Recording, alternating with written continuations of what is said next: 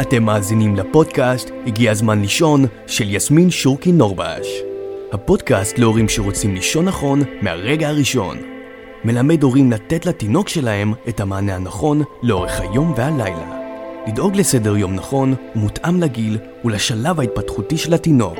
ליהנות מתינוק רגוע, נינוח ומסופק, וכך להיכנס להורות בקלות.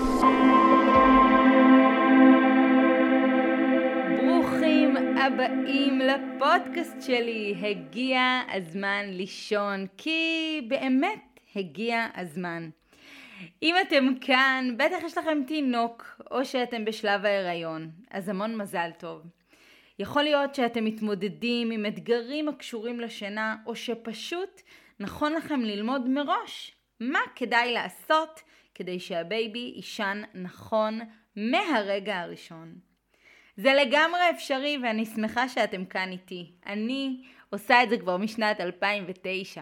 מאז פגשתי אלפי משפחות ותינוקות שהבינו שאפשרי להיכנס להורות בקלות.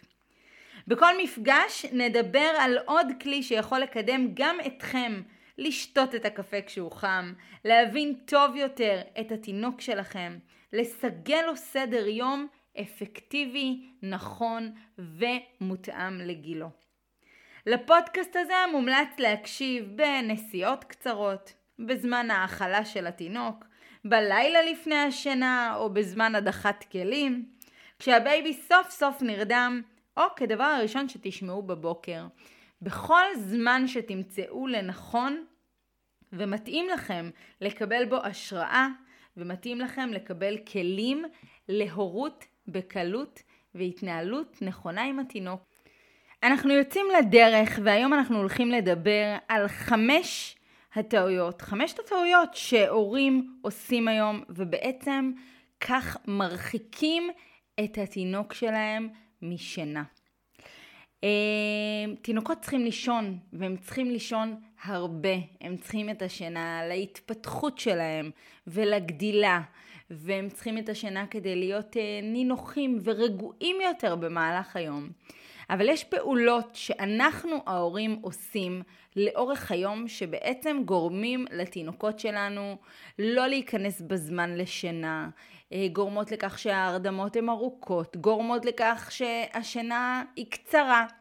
וזה לא אשמתכם, זה מה שאתם יודעים, ולפעמים אה, יש דברים שאנחנו עושים אותם כי הם אה, הצליחו לחברים שלנו, או שאמרו לנו אותם והם עוברים ככה מדור לדור.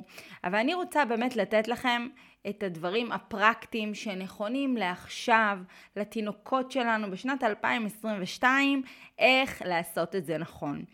אז הטעות הראשונה שהרבה הורים עושים, זה להגיד שהתינוק שלנו לא עייף.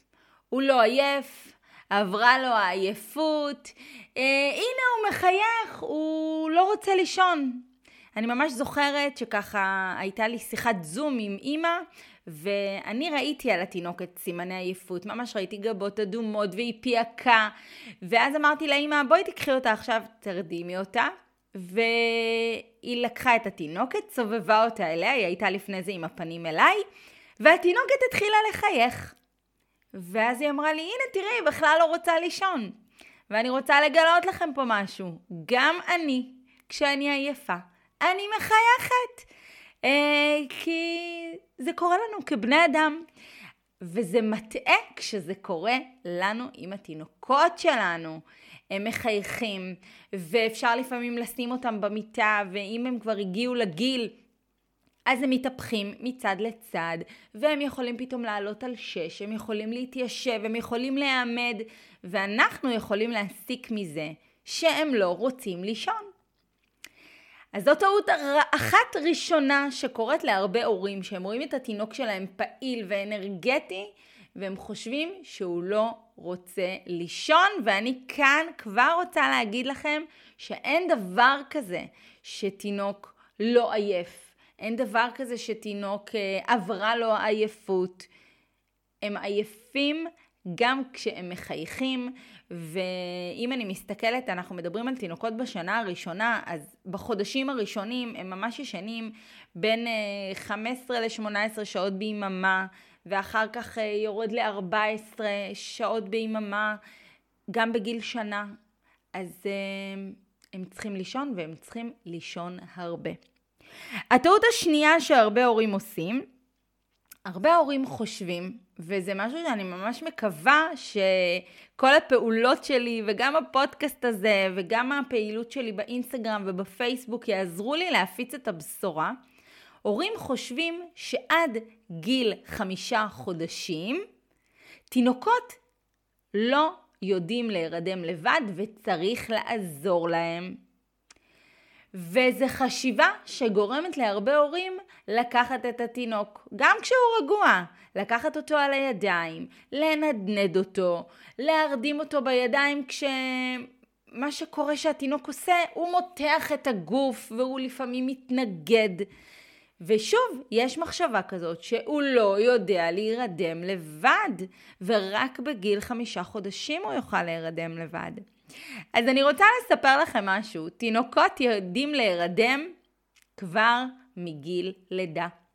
יהיו תינוקות שיהיה להם קל יותר, יהיו תינוקות שיצטרכו יותר תיווך, אבל בגדול יש להם את כל מה שצריך בגוף כדי להירדם ולהירדם טוב.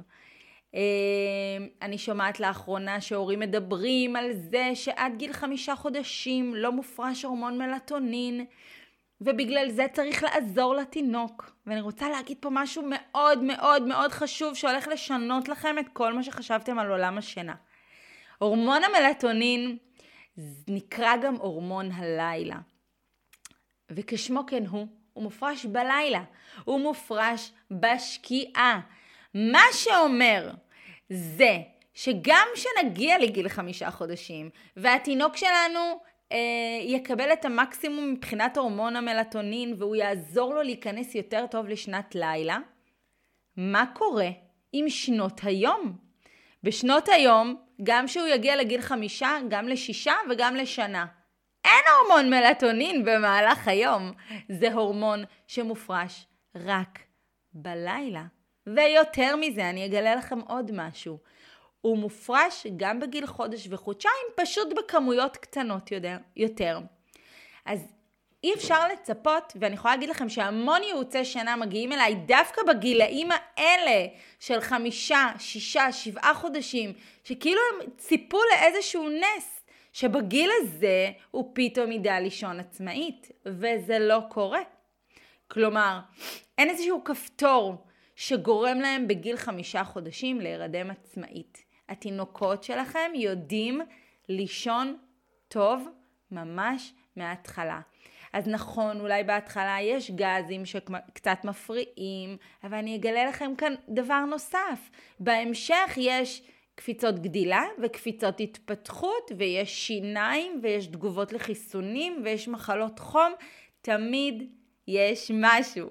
ואני לא אומרת את זה במטרה לייאש אתכם חס וחלילה, אלא אני אומרת את זה מתוך המקום שכל פעם אנחנו ניתן לתינוק את מה שהוא צריך, אבל אנחנו נבסס לו מההתחלה בסיס טוב. שבסיס טוב זה אומר שאנחנו מתנהלים נכון גם בשעות הערות, גם בזמן ההרדמה, גם נותנים לו את השעות שינה שלו, ולא חושבים שעד גיל חמישה חודשים הוא לא יכול לישון עצמאית, או שהוא לא יישן טוב עד גיל חמישה חודשים, כי אין איזשהו כפתור בגיל הזה. הדבר השלישי שהורים עושים, שמבחינתי זה טעות, ואתם שאתם כאן ואתם מקשיבים לי, גם אתם תפסיקו לעשות את זה, ואתם מוזמנים גם להפיץ את זה לחברים שלכם שיפסיקו לעשות את זה. הם רוצים להרגיל את התינוק שלהם להירדם בכל מצב.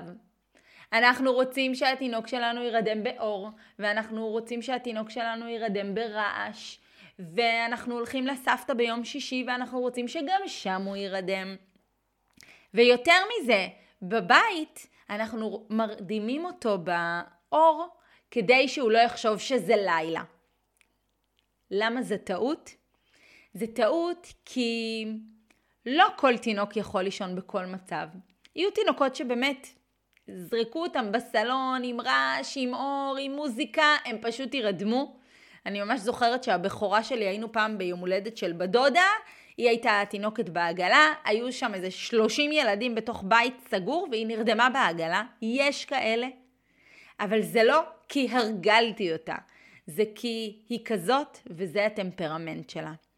זה לא משהו שאפשר להרגיל אליו, זה משהו שתלוי בתינוק שהם, ולכן אני לא ארצה שהתינוק שלי יישן באור או ברעש, אני כן ארצה לסגל לו סביבה מקרבת שינה. וכשמגיע הזמן לישון, אני פחות אמליץ לכם להשאיר את האורות בחדר אה, דלוקים, את התריסים פתוחים, שייכנס אור יום שהוא לא יחשוב שזה לילה, הוא לא יחשוב שזה לילה, אל תדאגו. יש לו את כל מה שהוא צריך בגוף, יש הורמונים מעורבים, הגוף שלנו גם אה, ככה בעצם פועל לפי השמש, לפי הזריחה והשקיעה, הגוף שלנו מספיק חכם כדי לעשות את ההפרדה הזאת בין יום ולילה. לכן, המחשבה הזאת שצריך להרגיל אותם לכל מצב, בעצם פוגעת לפעמים בשינה ופוגעת בהרדמות. אם אני רוצה להרגיל אותו לישון באור, ואני שם אותו לישון עם תריסים פתוחים, יכול להיות שייקח לו יותר זמן להירדם. במיוחד כשמגיע הגיל שהם הופכים להיות יותר סקרנים, וכל דבר מעניין אותם סביב גיל שלושה, ארבעה חודשים, שהם רואים גם יותר טוב. אז המחשבה הזאת שהם צריכים להתרגל לישון בכל מצב, והמחשבה הזאת שהם לא יבלבלו בין היום והלילה, היא חשיבה שהיא מוטעית, ובעצם אנחנו רוצים להבין שתינוק צריך תנאים נכונים ונוחים לשינה. הטעות, טעות נוספת שהורים עושים היום, ובעצם בעצם זה מרחיקים את התינוק שלהם משינה, זה המחשבה שתינוק גם עד גיל חמישה חודשים חייב ידיים להירדם. ואז בעצם קורה מצב שהתינוק בשעות הערות שלו על הידיים, כי אנחנו מטפלים בו, אנחנו מוציאים לו גרפס, אנחנו אה, מרימים אותו להחליף לו חיתול, אנחנו מאכילים אותו וכולי. ובגלל שיש את החשיבה הזאת שהם חייבים גם ידיים כדי להירדם, יוצא מצב, ואני רואה את זה הרבה באתגרי שינה שאני עושה, שכמעט ש... בין 70 ל-80 אחוז מההורים היום מרדימים את התינוקות על הידיים. ויוצא לי גם אה, לראות בליוויים שאני עושה וגם בסדנאות שאני עושה, שלפעמים יש תינוק רגוע, הוא רגוע, הוא כזה חמוד, הוא שוכב עם עצמו, ורק בגלל שהוא צריך ללכת לישון, עכשיו ההורים שלו לוקחים ומרימים אותו על הידיים, ואפילו מתחילים איזושהי תנועה כדי שהוא יירדם. אבל אם הוא עכשיו כזה שכב רגוע ונינוח, הוא יכל להירדם בעצמו. הם מסוגלים, הם יכולים. בהמשך הפרקים אנחנו נדבר על איך לספק לתינוק שלי ידיים, כי אני הכי הכי בעד ידיים, כשאתם תראו אותי עם תינוק, אין מצב שאני לא לוקחת אותו, אני מרימה אותו, אני לשה אותו, אני מחבקת אותו. זה צורך שמבחינתי הוא ממש כמו אוכל ושינה. המגע, הידיים, הוא מאוד מאוד חשוב. ובהחלט תינוקות צריכים ידיים, אבל זה לא אומר שבכל הרדמה היא גם חייבת להיות על הידיים. זה אומר שהם צריכים את זה, נכון, ולאט לאט מפרק לפרק אתם תראו איך אנחנו מסגלים להם את המגע והידיים בדרך אה, נכונה יותר, אבל לא חייב שכל הרדמה תהיה עליכם. ומכאן אנחנו עוברים לטעות החמישית שהרבה הורים עושים היום בכל מה שקשור אה, לשינה של תינוקות, ובעצם ככה מרחיקים את התינוק שלהם משינה. זה התערבות יתר והצפת גירויים. הוא צריך ללכת לישון, אז בוא נפעיל לו את המובייל. הוא צריך ללכת לישון, אז בוא נשאיר לו שיר. ואני לא אומרת, חברים, מובייל זה אחלה אה, משחק, הם יכולים, אה, אני גם כמדריכת התפתחות נותנת אותו ככלי להושטת ידיים, לגירוי התהפכויות וכולי. אה, וזה גם סופר סופר סופר חשוב לדבר עם התינוקות שלנו. מה זאת אומרת? הם בני אדם. אני תמיד מדברת עם התינוק שלי בגובה העיניים, אבל כש... הוא הולך לישון, זה מרחיק אותו מהשינה. במקום להיכנס לתדר של שינה ולהתרכז ולהירגע, הוא מסתכל על המובייל ויש לו פה בעצם גירוי ויזואלי וגירוי שמיעתי, או כשאני מדברת איתו, אז הוא מקשיב לי, הוא מרים לי גבות, הוא מחייך אליי. לפעמים הדיבור יכול להיות, נו, שההרדמה לוקחת הרבה זמן, נו, אתה כבר עייף, אתה כבר צריך ללכת לישון, יאללה, תלך לישון, או אה, להתחיל לשיר לו שיר ערש. חבר'ה, זה דברים שהם מעוררים. או שהורים קופצים היום על כדור פיזיו כדי להרדים את התינוק שלהם, אז נכון, יכול להיות שהוא יירדם, אבל גם יכול, ש... יכול להיות שמאוד יכאב לכם הגב, או שההרדמה תיקח הרבה זמן, או שהוא יתעורר אחרי מחזור שינה אחד. כלומר, יכול להיות שאותו רגע זה נתן מענה, אבל לטווח הארוך גם זה לא יכול לתפוס כשהתינוק עולה במשקל. זה קשה. כאילו, זה ממש קשה לעשות את זה. אז פה באמת הנקודה היא שאנחנו חושבים שאנחנו עוזרים לו, אבל גירויים האלה, ואנחנו שוב, אנחנו נדבר על זה בהמשך המפגשים עוד הרבה, הגירויים האלה מרחיקים אותו מהשינה. ואם אני מחברת את זה לכל מה שאמרתי עד עכשיו, המסקנה היא שהתינוקות שלנו הם בני אדם בקטן. וכשהם הולכים לישון, הם צריכים לישון בסביבה שהיא מקרבת שינה. סביבה רגועה, סביבה בלי גירויים, סביבה שקטה, שהמיטה תהיה נעימה, שהבגדים שהם ילבשו יהיו נוחים, שתהיה אווירה רוג, של רוגע ושל שקט, ולא מובייל ודיבורים ושירים, כל אלה מעולים מעולים לזמן הערות.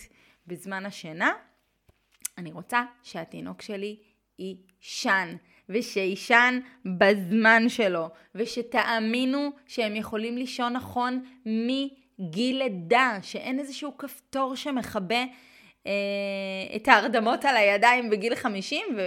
סליחה, בגיל חמישה חודשים, ופתאום זה משתנה. לא, אפשר לעשות את זה נכון מההתחלה. אל תפחדו שהוא יתבלבל בין היום והלילה. אנחנו נלמד בהמשך איזה עוד פעולות אתם יכולים לעשות בזמן ערות, שבעצם יביאו לזה שהוא לא יתבלבל בין היום והלילה. מעבר לזה שהוא חכם והגוף שלו יודע לעשות את ההבחנה, יש עוד פעולות שאתם יכולים לעשות כדי לתמוך בכם אז אם הקשבתם עד עכשיו, אני קודם כל רוצה להגיד לכם תודה. ושבחרתם בפודקאסט שלי, הגיע הזמן לישון, כי באמת הגיע הזמן לישון. והיום אנחנו דיברנו על חמשת הטעויות הנפוצות ביותר שהורים עושים שמרחיקות את התינוק שלהם אה, מהשינה. מה כן אפשר לעשות אחרת, וכמו שאמרתי, ממפגש למפגש אתם תקבלו ממני עוד כלים. אז אני יסמין שורקי נורבש, ואני מודה לכם שהייתם איתי, וניפגש בפרק הבא.